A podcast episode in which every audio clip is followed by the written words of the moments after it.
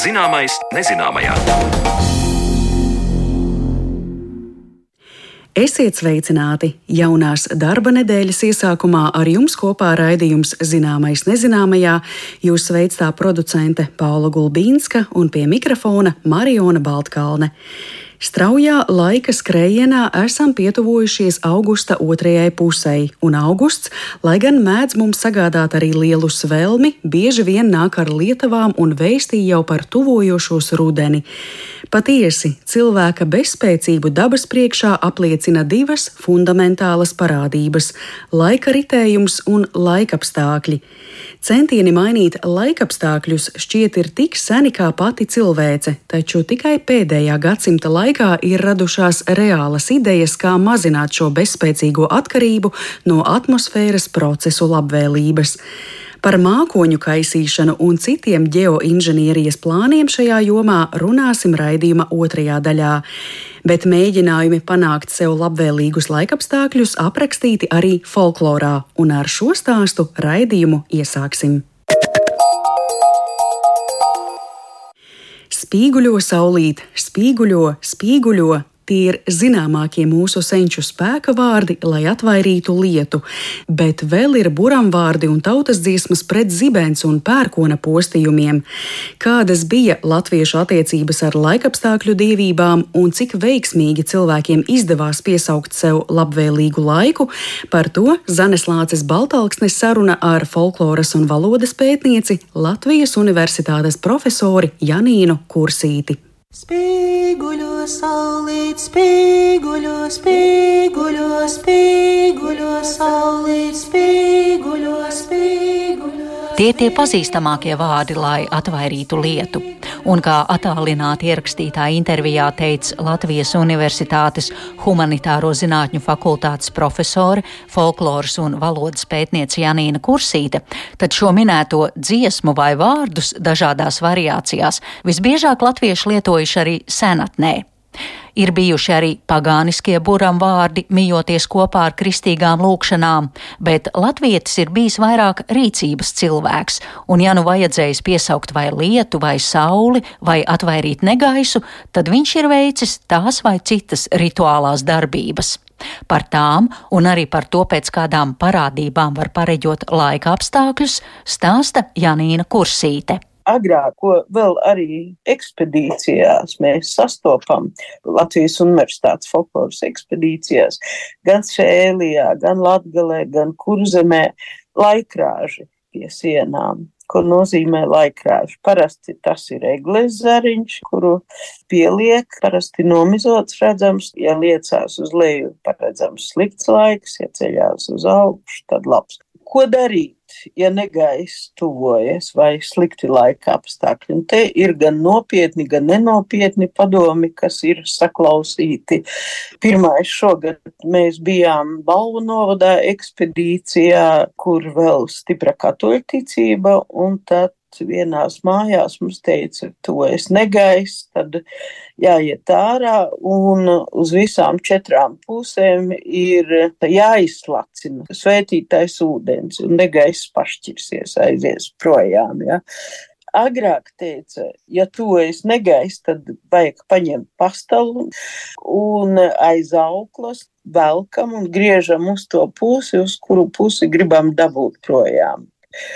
Tad ir vēl arī tāda kā laika grozīšanas mašīna, jāiesēstas kārklu cerā, kārklu krūmā, un tie kārkli jāvirza virzienā uz to pusi, kur dabūt projām. Nu, šķietami komiski, bet varbūt, ka var izmēģināt tas, ko mēs paši esam kādreiz ekspedīcijā izmēģinājuši, un vienreiz pat ar folkloras, bija tāds folkloras raidījums televīzijā, folkloras programma Klēts. Un es zinu, ka mēs arī Latgalē, nu, filmēšana pašā maksimumā, un pēkšņi uznāk milzīgs negaisa mākons, mums saka, vajag plēst pušu tādas zāles, kas ir pušu plēšamas.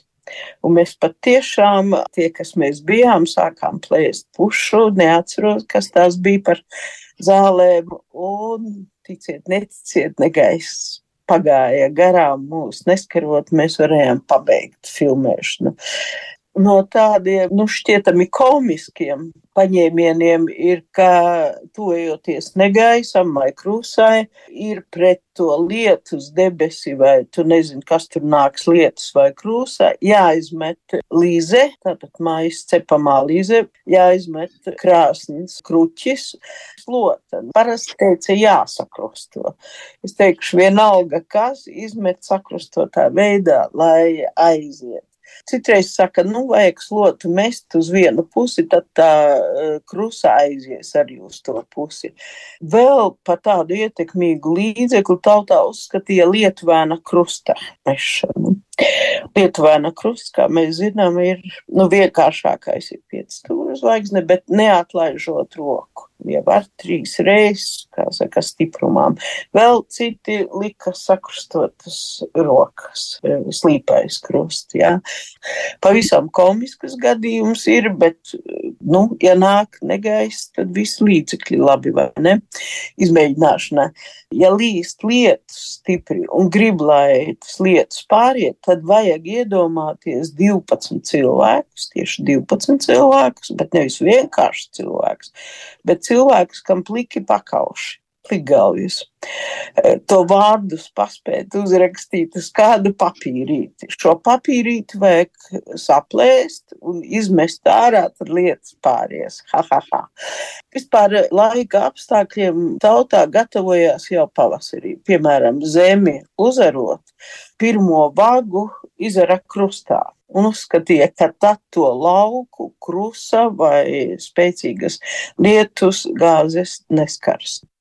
Galvenais ir šī maģiskā darbība - sakrustot, aizkrustot priekšā vai uzvilkt lietuvēna krustu vai kādu. Kā teica folkloras pētniece, tad galvenā, tā teikt, laika apstākļu dievība senāk ir bijis pērkons. To bijāja un tam arī ziedoja, lai izlūgtos pērkona tēva labvēlību. Nu, e, ir zināms no jezuītu annālēm 17. gadsimts, vēl 18. gadsimta sākums no Latgales puses, ka tad, kad uznāca liels sausums, tad upurēja, protams, ne katrās mājās atsevišķi, ja tas bija liels upuris, savācoties droši vien viss ciems vai, vai plašāk vērsi un asinis notecināja zem ozola, pērkoņa koka, tādā veidā izlūdzoties lietu. Bet tādas liecības ir saglabājušās. Un e, ienāca prātā no Baltkrievijas, Poļiesies ekspedīcijām vienā vietā, kur pielūdza, joprojām pielūdza vecas sieviņas akmeni, stāstīja, ka tad, kad uznāca stipras lietavas, tad viņas vai no nu deviņi reiz vai trīs reizes staigāja ap to akmeni, skaitot lūkšanas. Es saprotu, ka kristietiskās lūkšanas varbūt savienots ar kādu pagānisko garu ap to akmeni. Un kolhozu laikos tās vecenes patriekuši projām, no ateisma laiks un tāds. Un vienu gadu mums stāstīja, ka tiešām uznāk stipras lietavas un izskatās, ka vispār to ražu nevarēs novākt. Jau kritisks posms un droši vien tos priekšniekus spiež no augšas. Un tie priekšnieki beidzot atjēdz un pasauc tās sieviņas. Un sieviņas apstaigā ap to akmeni un ticiet vai neticiet, kā mums teica tas lietas pārstāja, un sieviņas atkal tika godā. Un tā kā mēs viņus pat iefotografējām, tas jau bija pirms gadiem 15, kad mēs tur bijām, un e, tā sieviņa, viņa skaitīja lūkšanu, nolika ziedojumu, tur bija ābolīts, tur bija baltmaizes doniņa.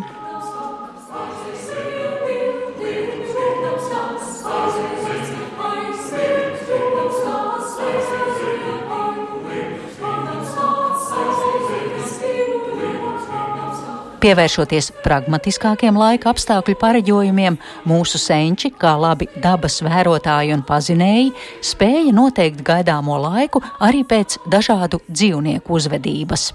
Par to turpina Janīna Kursīte. Latvieši laiku uh, domāja paredzam pēc dzīvnieku uzvedības. Visvairāk pēc putniem. Tātad, ja stērstes laižas lielos baros un stipri čivina, tad gaidi, ka laiks mainīsies. Ka balodzes vilpo, tad gaidāms jauks laiks, bet, kad tā ķērts un ņaudi, tad gaidāms negais.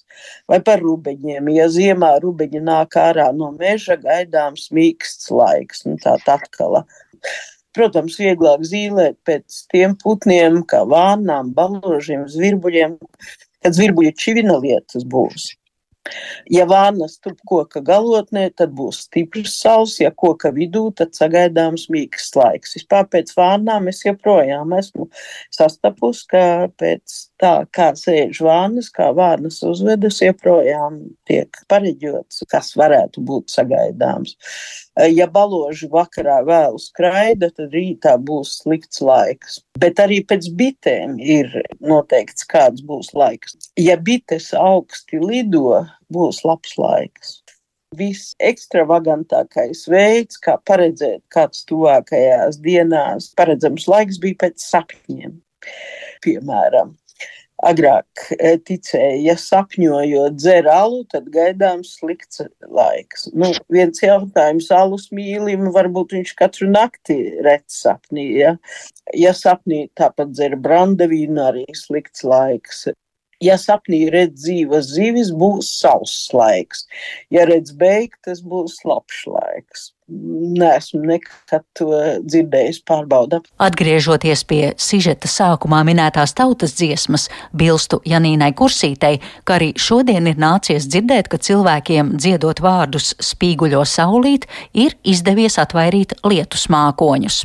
Folkloras pētniecei tam ir savs skaidrojums kāds ļoti racionāls cilvēks teiktu, ir jāizdara eksperiments, un kādu eksperimentu var uzskatīt par notikušu vai nenotikušu tikai tad, ja nu, minimums simts gadījumi izpētīti, nu, maksimums, ja kāda aptauja ir parasti, tad virs tūkstots, vai ne? Bet jautājums, kas tajā eksperimentā piedalās? Ja piedalās cilvēki, kas nekam netic, viņam arī nekas nebūs. Savāciet tūkstoši cilvēkus, kas ticēt tam eksperimentam, jānotiek vienā laikā, vienlaikus. Protams, var arī tādu izveidot, bet tas arī nebūs rezultāts, kas parādīs, ka dziedot vai rečitējot šo dziesmu, var ietekmēt. Vienu tas ietekmēs, otru tas neietekmēs. Bet e, trešajā un visneitrālākā gadījumā es teiktu, pat ja tu nekam netici, bet tev nāk milzīgs negaiss, tad visracionālākais cilvēks meklē kādu patvērumu.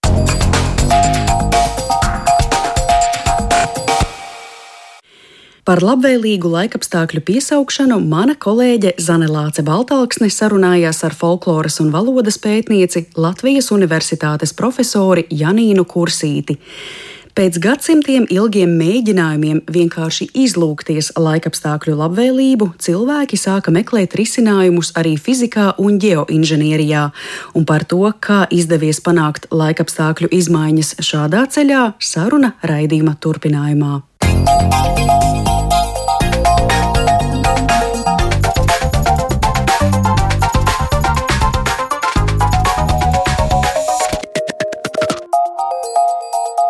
Zināmais nezināmajā.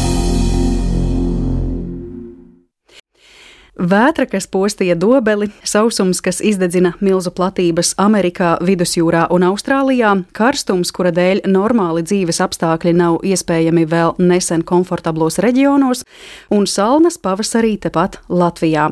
Visas šīs parādības liek cilvēkam bezspēcībā noplātīt rokas. Te arī beidzas mūsu visvarenība, bet sinoptiķa ziņojums tiek gaidīts kā atpestīšana.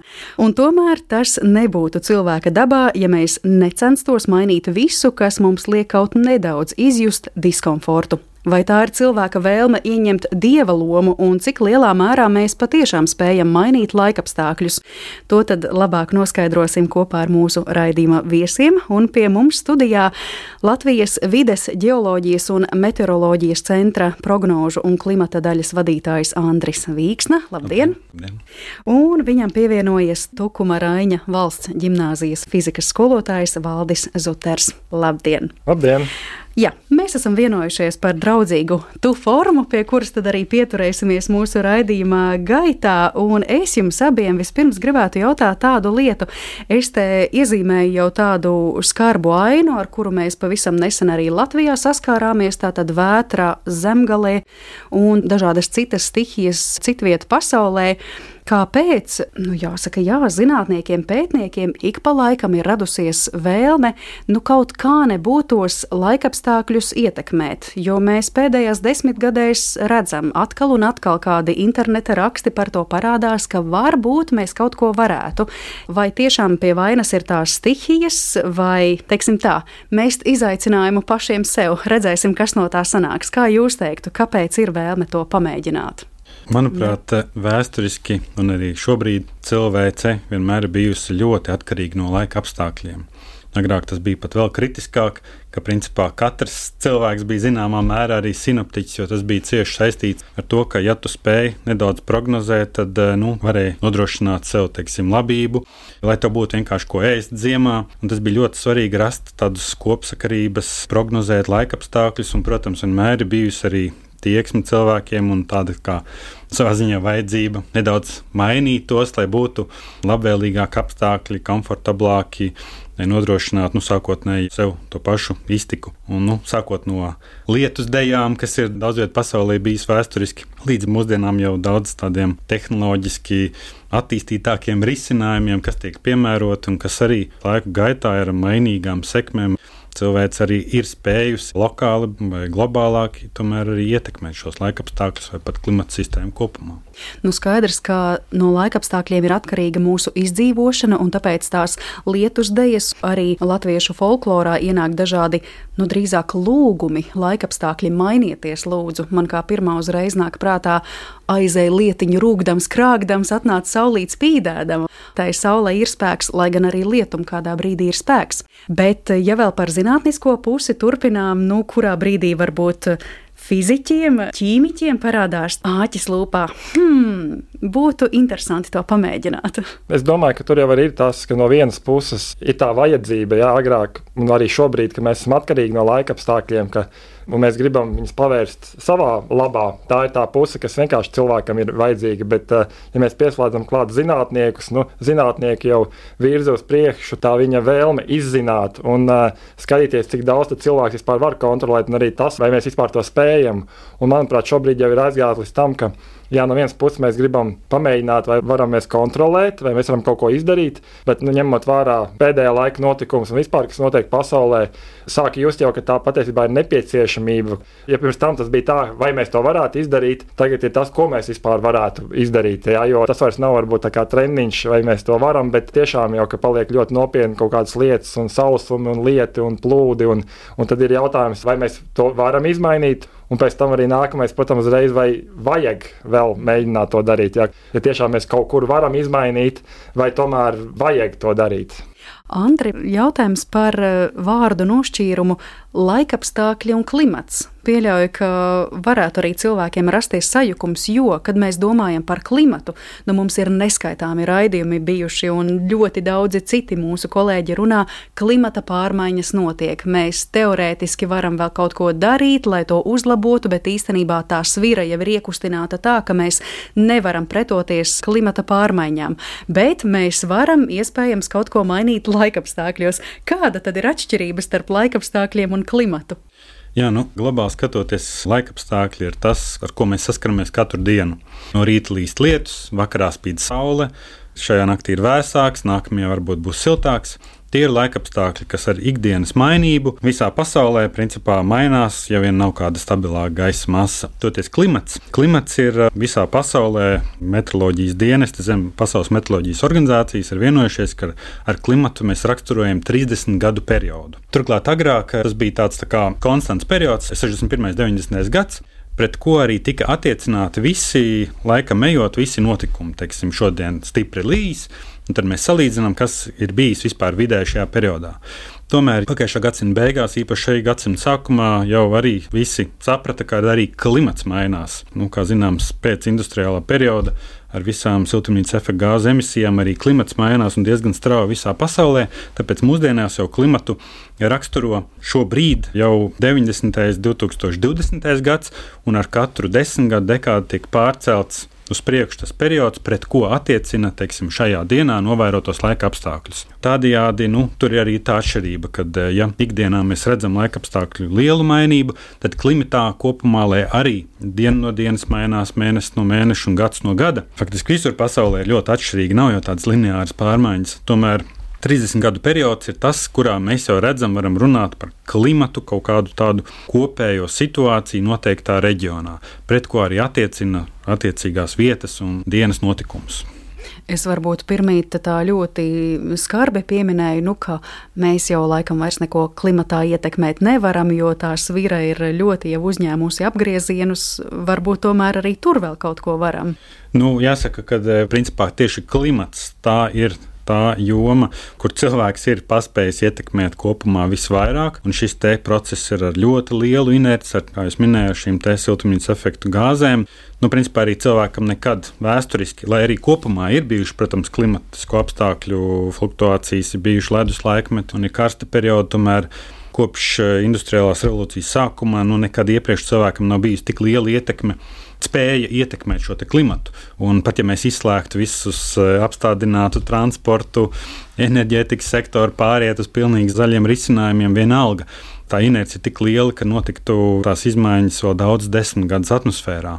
Un tāpēc, protams, dienas beigās arī tas ietekmē laika apstākļus, jo nu, klimatam mainoties, mainās arī, protams, laika apstākļi bet nu, tad mēs varētu vairāk pieskarties tam, ko tad mēs varam tiešām reāli darīt laikapstākļu ietekmēšanā. Nu, un, piemēram, dzirdēts ir par tādu metodi kā mākoņu tā saucamā kaisīšana ar sudraba jodīdu.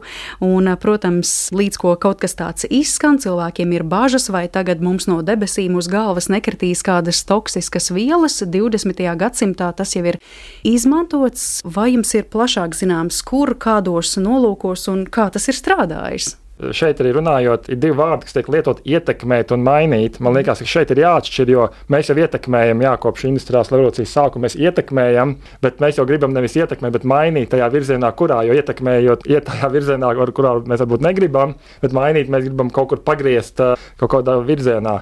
Un uh, droši vien es varbūt neminēšu konkrēts par šo mākoņu sēšanu, jā, bet izrādās, nu, tas nav kaut kas jauns. Jā, tas jau ir, ja nemaldos, 40. gadi, 50. gadi, kad kaut kas tāds sākās ar mākoņu sēšanu nu, ka principā tas nozīmē, ka tur jau debesīs kaut kas ir. Jā, tad, tad uh, ir piemēram mākonis, ja, kurā ir sīki pilieniņi, kuri nekrīt vēl zemē kā nokrišņi, bet tie tur ir. Jā. Un tad uh, ir vēlme dabūt to lejā kā nokrišņus. Ja, piemēram, mēs gribam, lai nolīst kaut kur, kur uh, vajag lietu, vai tieši nolīst, lai kaut kur citur tas ūdens neaiziet. Un tad, uh, tad notiek šī sēšana, kad tiek iesācis šis sudraba jodīts, ja, kas ir kā tas graudiņš, tas sākums, ap kur tas piliens var veidoties. Un tad viņi iesēja šos te, var teikt, iedīgļus, ap kur tas piliens var veidoties veidoties, un līdz ar to tas ūdens, kas tajā mākonī tur augšā ir, viņš uzreiz arī nolīst. Jā, tāpēc to sauc par mākoņu sēšanu. Bet noteikti ir jāsaprot, ka tas nav tā kā, ka tur nekā nav, un mēs iesējam un nolīst lietas. Ja tur ir jābūt jau šiem pilieniņiem, nu, tas, kas uzreiz ir jāmin, ka ļoti daudz tas tiek darīts, izmēģināts arī kara apstākļos, jā, mēģinot ietekmēt.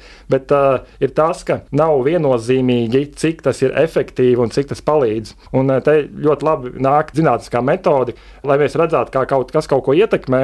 Mums vajag salīdzināt ja, divas grupas. Viena, piemēram, kur mēs nesējam, un otra, kur mēs sējam. Bet, uh, tajā brīdī, kad mēs to mākoni sējam, tur ir tik ļoti daudz to mainīgo lielumu, ka nevar zināt, vai tā mākoņa sēšana, cik ļoti tad, uh, tie nokrišņi ir vairāk, tāpēc, ka sēja. Ja? Varbūt viņi tāpat jau būtu tajā reizē nolījuši. Ja?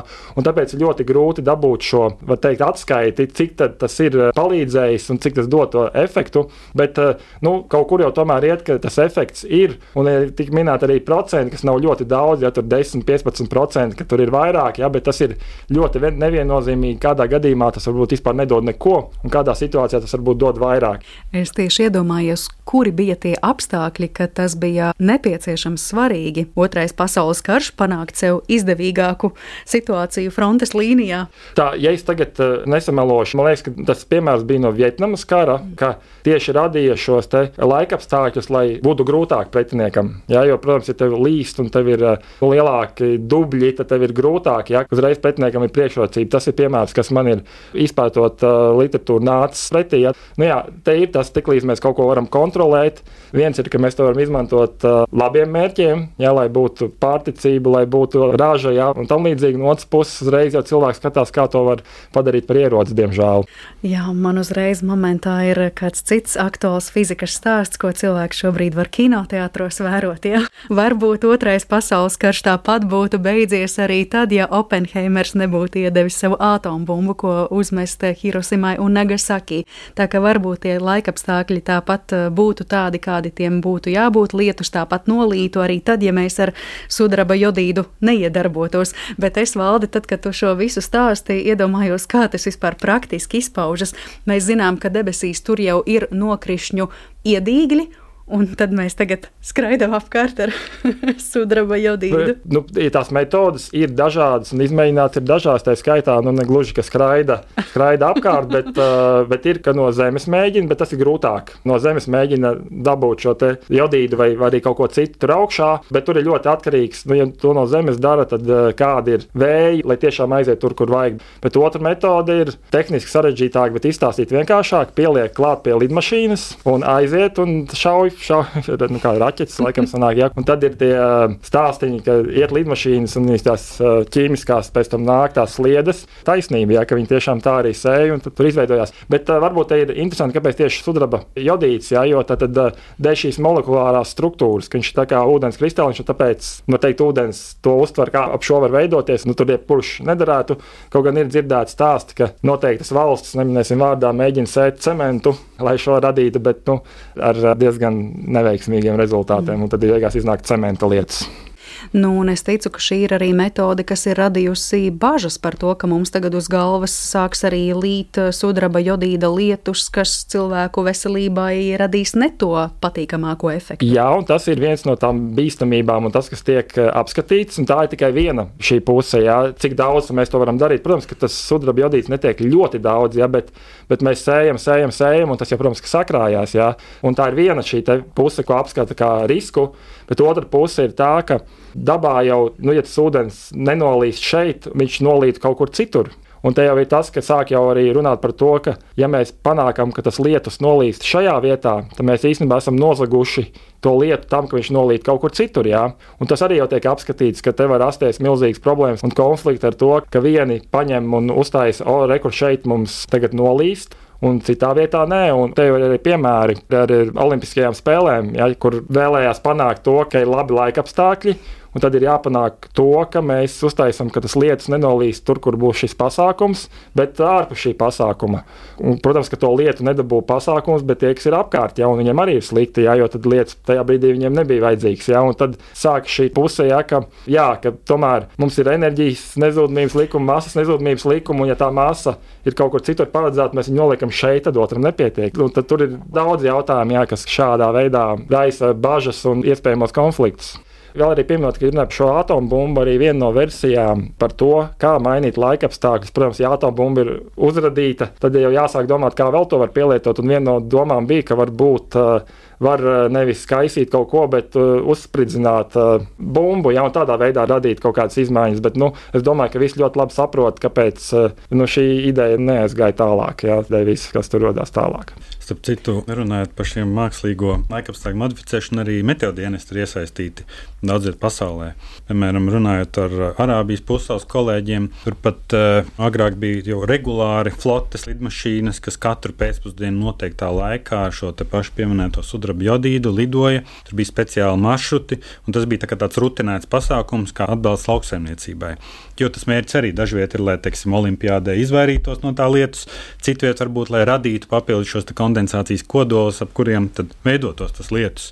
Nu, pēdējos gados gan viņi ir pārgājuši uz eh, vairāk uz drona ar elektriskiem impulsiem, kas tur polarizē tās daļiņas, lai tādā veidā viņas saliptu kopā. Nu, bet tas, protams, arī, kā jau kolēģis teica, ir ļoti grūti pierādāms vai novērtējams, jo atmosfēra ir tik dinamisks tie procesi, ka nu, nekad neatkārtojas vienā vietā viena un tā pati situācija.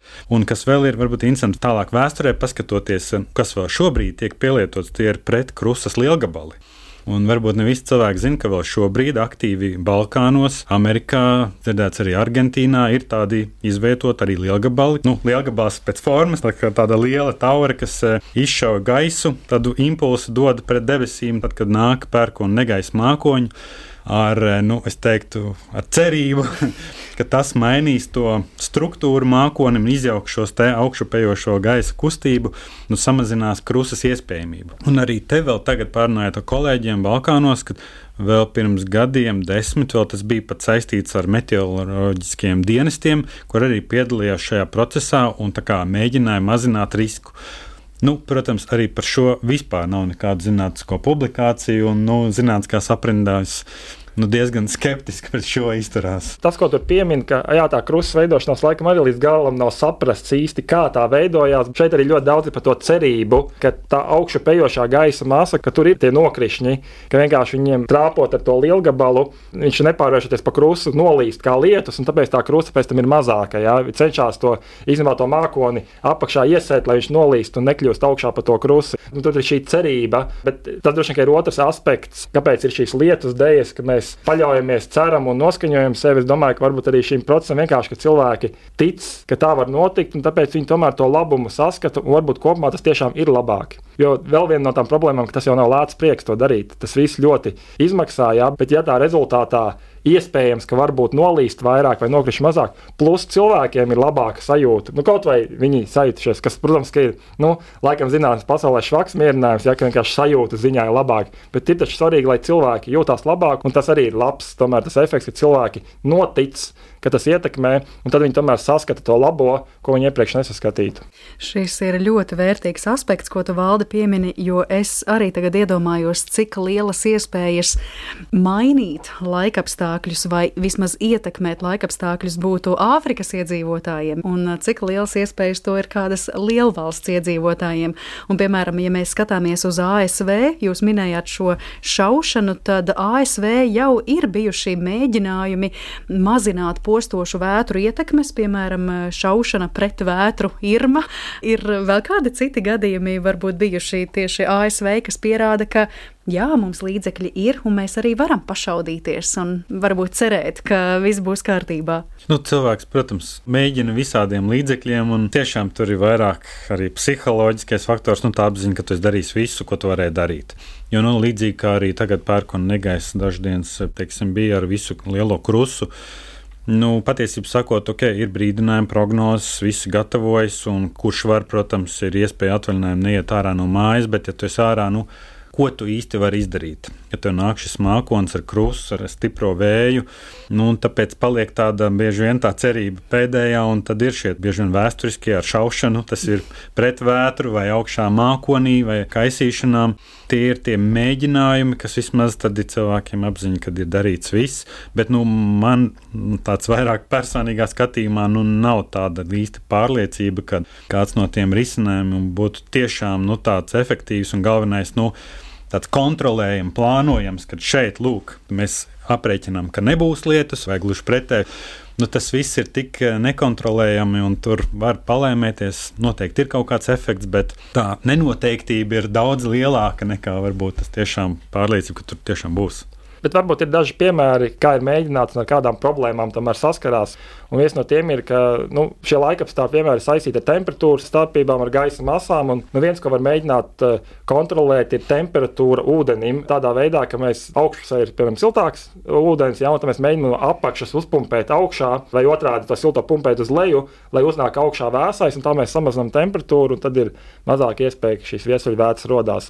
Un tad tur ir mēģināts jau taisīt uz saules baterijām, ka šie motori šo pumpēšanu dara, bet tas, ko ātri saprata, ka viņi viļņos lūst. Ja, tas ir ļoti tehniski izaicinošs process. Un uh, pamēģināt, kā tas varētu notikt, var, bet jau redzēt, ka lielā apmērā vienkārši tas tehniski ir nu, gan neiespējami praktiski uz izmaksām, ka tas vienkārši ir milzīga resursu prasa. Ja, un tad, uh, ja nemaldos, tad bija arī Norvēģijā fjordos, kad aizsalšanu apturēt, tad arī pumpēja gaisu iekšā ūdenī un tieši ar tiem burbulīšiem uznest apakšējo augšā, tad aizsalšana tik ātri nenotiek jau, bet uh, no tā paņēma ideju, ka varētu arī šo siltu augsto ūdeni jā, pārpumpēt. Bet tur tas vienkārši ir lokālāk, tāpēc tas ir vienkāršāk mazākā apmērā. Jā, bet tiklīdz mēs gribam viesuļvētras, ja tur jūra, okeāns vai kaut kur mainīt, nu, tas ir tik milzīgs, nu, tik liels tā sistēma, ka nu, mums vienkārši nav resursu. Un īstenībā jautājums, vai mums nevajadzētu tomēr ieguldīt resursus tajā, lai mēs tomēr varētu pārciest šīs lietas. Ja? Tad, tad būvēt, uh, kur patvērties, būvēt, kur iedzīt mašīnu. Ja?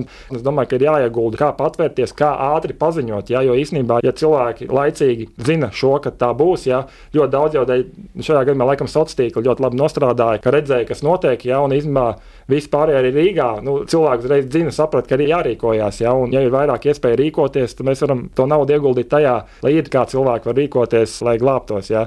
Tā kā ir tāds, nu, kaut kādā ziņā padošanās droši vien, jā, bet varbūt tas ir tas praktiski labākais solis iet šajā virzienā. Jā, es tā domāju. Jā, tādi reālāki risinājumi nekā cerība iešaut krusā vai panākt sudraba jodīda lietu, kur atkal tie zinātniskie fakti nav tik pārbaudāmi. Bet es jūs tomēr gribētu vēl mazliet paspīdzināt par divām metodēm, kas arī laika gaitā ir izskanējušas, un jautājums, vai šī arī ir tikai cerība, vai kaut kas tomēr jau tuvāk realitātei attiecībā uz laikapstākļu ietekmēšanu un mainīšanu, proti mākoņu izkliedēšana. Minējāt jau Olimpiskās spēles, kur varbūt kāda daža laba lielvara bija vēlējusies mainīt laikapstākļus par labu Olimpisko spēļu kādam atklāšanas pasākumam, un es ticu, ka totalitārās varās tas, ka mums šodien ir labi laikapstākļi, apstākļi un mums var notikt eh, skaistā militārā parāde, tas ir no tiesas jā, svarīgi. Kā tas būtu iespējams? Tas izklausās brīnišķīgi. Mums ir gaidāmi svētki, bet mēs redzam prognozē, būs apmākušās debesis, nu tad mēs tikai izkliedējam mākoņus, lai saulīte spīd, un svētki ir lieliski un var tapt labas fotogrāfijas. Vai tas ir kaut kur līdzīgi kā šis sudraba jodīda stāsts? Jā, mēs kaut ko varam, bet rēķināmies ar sekām, ka tukša vieta nepārāk nepaliek, un tas viss nāks atpakaļ. Principā jau tas ir tas pats process. Mm. Vienkārši kaut kur jādabūt tas mitrums ārā. Ja pirmajā gadījumā tu vēlies radīt to mitrumu, un ceri, ka viņš nolīs virs tā lauka, teiksim, vienkārši sakot, šajā gadījumā panākt to, ka varbūt saulēcīgāk tie nokrišņi izkrīt pirms tās teritorijas, un attiecīgi tā gaisa masai pienākot virs tās notikumu vietas, jau būs sauss un tas nokrišņu risks būs mazāks. Bet, nu, protams, tiem mērogiem jābūt krietni lielākiem. Tas nav tā kā pārdaugavā uzšauja, lai juglā teiksim, nelītu. Ja? Mm. Bet tas principā stāsts ir tas pats. Bet nu, arī tā nenoteiktība un viss ir pietiekami liela, lai nu, Nu, protams, tur nevaram runāt par kaut kādiem procentiem vai ko. Jā, jo tad vienlaikus arī rodas jautājums, cik plašā areālā mēs tagad varam un gribam ietekmēt lietu vai mākoņus. Jo vai ir vispār iespējams iegrožot viena stadiona vai viena mikrorajona reģionu? Tā ir vienkārši arī vēlreiz par to mākoņu stumšanu, mākoņu sēšanu. Es arī laikam likās, ka tie ir dažādas lietas, bet īstenībā tas ir gandrīz tā kā durvīm, kurā pusē tu atrodies. Jā, vienā pusē tev stumj, otrā tev velk, jā, kur jānolīdz. Bet šeit visu laiku atmiņā jāaptur tas lielais uh, apmērs, kas šeit ir, un lielais gan uh, fiziski telpa ir liela gan tie daudzie eh, parametri, lielumi, kas tur ir iesaistīti, jā, un tad tur sarakstot vienādojumu, tad tur vienkārši, man liekas, ka tas ir nu, tas, kāpēc uh, modeļi, kas ir nu, laiku prognozēja, cik sarežģīti tie ir, jo tur ir tik daudz lielumu iekšā, jā, un to modeļu ir tik daudz, tas jau parāda to, ka, nu, ja mēs gribam ietekmēt, tā nenoteiktība būs tāda, ka, jā, grūti, grūti ies. Droši vien grūti prognozēt gan to areālu, gan arī, protams, to efektu. Un vēl viena metode - lāzeru droni. Ir metode, kas, kā es saprotu, ir izmantota Dubajas karstumā, tātad atkal panākt šos nokrišņus lāzeri. Nu, tas tāds visai jaudīgs instruments, lai varbūt kaut ko ietekmētu, mainītu. Nu, cik es esmu lasījis par interesi sarkaniem lāzeriem, Saudārābijā tur īpaši tas tiks pielietots, bet nu, arī līdzīgi, cik es esmu runājis. Nu, Nu, tas ir vēl viens mēģinājums. Man liekas, arī pat Vācijā testē kaut kur lokāli, cik nu var testēt un cik tu vari pēc tam spēj novērtēt. Jo uh mhm. -huh. tev jābūt kaut kādai referencei, un tai situācijai jāspēj, teiksim, atkārtot, un jābūt kaut kādiem rezultātiem. Bet tur atkal tā nenoteiktība ir viss tam sākuma nosacījumiem, un tam rezultātam ir tik liela. Jā, nu. Nu, tās beigas jau ir tās pašas, ka mēs gribam radīt lietu. Tikai sākumā vai nu mēs iesējam šo sudraba jodīdu, vai kāds mēģina cementu gāzt. Bet šeit vienkārši, lai nu, reaģētu uz šīm bīstamībām, ka tur sakrāsies šis sudraba jodīds, jā, tad to vienkārši to sākotnējo ierosinājumu, ap kuru tam pilienam veidoties, rada ar lāzeri, kurš atkal ne jau tur pats lāzeris stars rada, bet šis lāzeris stars ionizē tas molekulas, kas ir gaisā, un tad tas jons kļūst ap to, ap ko veidojās šis piliens. Īstenībā jau tas sākums ir cits, bet mēs nonākam līdz tam, ka tam pilienam ir ap ko veidoties un uztaisīt šo lielāku pilienu, kas nolīst. Jā, tā kā to tikai mēģina darīt jā, ar, ar lāzeriem jā, un izraisot principā elektrošoku, jā, ka tad ionizējās. Un tālāk jau tas pats stāsts. Mēs to izdarām, bet jautājums, jā, cik tas ir efektīvi, ir ļoti, ļoti grūti to novērtēt. Bet uh, laikam tas, kur nu, tomēr guva šo apstiprinājumu, ka šim ir kaut kāda nozīme, jā, vai tur līst vai nelīst, ka to darīja nevis lietus nokrišņiem, jā, bet sniegam. Jā, tur bija laikam viss tāds zinātniskākais pētījums, jā, kas bija ilgākos gadus tieši nevis lietum, bet sniegam. Bet jā, nu, tas arī nu, nesniedza, šis sniega pētījums nesniedza tādu ļoti lielu pārliecību. Tas bija tieši izmantojot lāzeri? Nē, nē, nē pašu sēšanu, tad tas nebija lāzeriem, bet idejiski, kā dabūt eh, vienalga, kur ar lāzeriem vai jodīdiem vai ko, kā dabūt vai cementu, kā dabūt, eh, ka mēs tiešām varam ar pārliecību teikt, ka tas ietekmē. Bet man eh, vēl viena metode, kas nav realizēta, bet ir prātā, man liekas, tas bija. Dubajai, ka viens no veidiem ir, ka, nu, kad ir kalni, tad, ja ir kalns, tad tā gaisa masa, kas nāk, tad dēļ kalna viņi uziet augšpusē, tur atdziest, jau tad veidojās mākoņi. Un ir doma, ka varētu uzbūvēt mākslīgu kalnu. Un, protams, ka tie, kur to var atļauties, var šādus plānus taisīt. Nu, tiem, kuriem nav ūdens, ir daudz naudas, jā, saprat, ka viņi arī bija domājuši kaut ko tādu būvēt, bet, protams, tas ir milzīgs izmaksas un nezinu, vai viņi to ideju turpinājuši. Bet vienkārši šajos te piemēros ir varbūt nenoteiktības, bet ir ļoti interesanti no fizikas, nu, kā viņi plāno to panākt. Ja? Un, un man liekas, ka šie visi piemēri ir ļoti interesanti tieši kādā veidā viņi plāno to panākt. Ja, un šeit arī tas, ka tu uzbūvē mākslīgu kalnu, lai radītu šos mākoņus, kurus pēc tam var sēt un nolīst. Ja? Nu, vienkārši tās idejas vispār tādas ļoti interesantas, radošas, fizikālas, kuras apskatīt. Mm. Un savākot visu šo kopā, es varu secināt, ka Jā, tie mēģinājumi ietekmēt laikapstākļus ir notikuši vēstures laikā vairāk kārt, un visos gadījumos kaut kāds atzinums, ka kaut ko ietekmēt mēs varam, ir bijis, bet uh, izmērīt to, cik tas ir liederīgi, kā jūs jau vairāk kārt minējāt, ir grūti.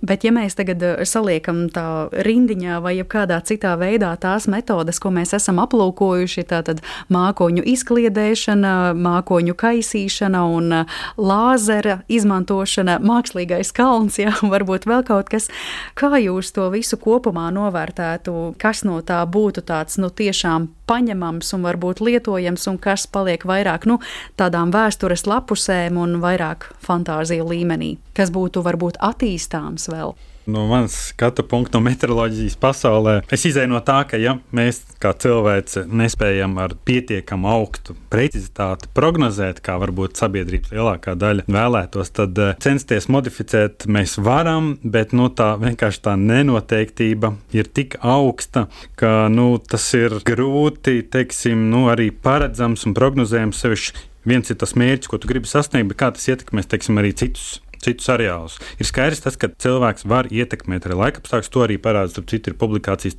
kā radās mākoņi blakus teiksim, industriāliem rajoniem, kur ir ļoti daudz dūmeņu, kas rada kondensācijas kodols, un ka tur tiešām ir pierādīts, ka ir nokrišņi vairāk. Pierādījumi ir līdzīgi kā meža ugunsgrēkiem, kur mēs pat varam redzēt eh, fiziski, kad veidojas pirokumulus, jeb uguns gubu mākoņi, liels ugunsgrēks vai virs vulkāna līdzīgi, kad izveidojas reāli mākoņi. Viņi varbūt pat ir brūni vai pelēki, jo tās pelnu daļiņas, un sākās reāli lietus, tur, kur vispār nebija. Protams, atmosfērā mitrums ir visu laiku, bet ir papildus kondensācijas kodola un sāk gāzt lietus. Tā kā fakts kā tāds nevar noliekt, ka mēs varam un tur ir potenciāls. Bet eh, cik tas ir kontrolējams un cik mēs apzināmies reāli tās sekas, jo atmosfēras hidroloģiskais režīms tas viss ir saistīts savstarpēji. Un tā man personīgi bažas par to, nu, ņemot skatoties arī, kā mēs klimata pārmaiņas, kā cilvēks to ietekmē, vai mēs kādreiz atrodam risinājumus, vai mēs līdz galam apzināmies tās sekas, ko tas var radīt. Tas, ko es piemetinātu, ir tas, ka es noteikti gribētu, ka turpinātos visi šie, varbūt ne tie, kas ir nerentablie, varbūt to kalnu būvēt, tas būtu ļoti dārgi. Jā. Bet man liekas, ka tieši no tāda izpētes viedokļa mēģināt skatīties, kas notiek. Nu, protams, saku, lai tas neaiziet tā, ka mēs tagad ceļam nodokļus, tāpēc, ka mums vajag sūtīt lidmašīnas, kas maina laikapstākļus.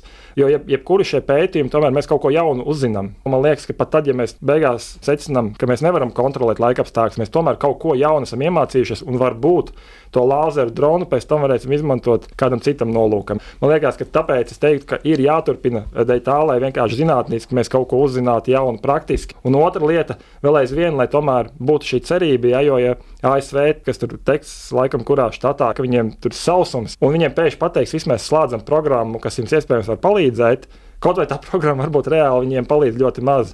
Nu, vispār viņiem pazudīs tas pēdējais stariņš, ka kāds viņiem grib darīt un palīdzēt. Ja? Man liekas, ka arī no šī ir jāturpina, lai tomēr cilvēki redz, ka cenšas kaut ko darīt arī zinātnē, lai palīdzētu. Ja? Protams, saku vēl aizvien, lai tas ir rentabli, lai nav tā, ka mums ir eh, tas ļoti, ļoti dārgi izmaksā. Tā kā es domāju, ka ir jātīsta tas radoši inženieru zinātniskie risinājumi un jāmeklē, jo tie pēc tam noderēs kaut kur tālāk. Es ticu, ka tā ir. Te mēs atgriežamies tā simboliski pie jautājuma, par kuru mēs runājām sarunas sākumā kāpēc zinātnieki ir vispār laika gaitā domājuši par laikapstākļu maiņu. Un viens tā tad ir šis āķis lūpā, pamēģināsim, lai vispār saprastu, ja, vai tas strādā, un iespējams tas noved pie tālākiem citiem zinātniskiem risinājumiem, bet tad otrs ir tiešām cerības došana situācijās, kad viss ir slikti. Un Amerika ir viens gadījums, bet otrs ir piemēram šis Āfrikas stāsts, un paskatoties, kas vēl pašlaik notiek pasaulē, Dāņu pētnieki brīdina, ka tuvākajās desmitgadēs Atlantijas okeānā mainīsies straumes, golfa straume, tas atkal mainīs klimatu, tas atkal mainīs nokrišņu daudzumu, to starp Āfrikā, un tad sanāk mēs paši no tādas savas ievārītas putras meklējam to glābšanas salmiņu, ko tagad darīt, un tad varbūt tā laikapstākļu pienešana Āfrikai izmainītas Atlantijas okeāna straumes dēļ, nu, tā ir tā cerība, ko vajag. Parasti vajag kādu vainot. Un Latvijā ļoti vienkārši jūtas kolēģi Toms Brīsīs.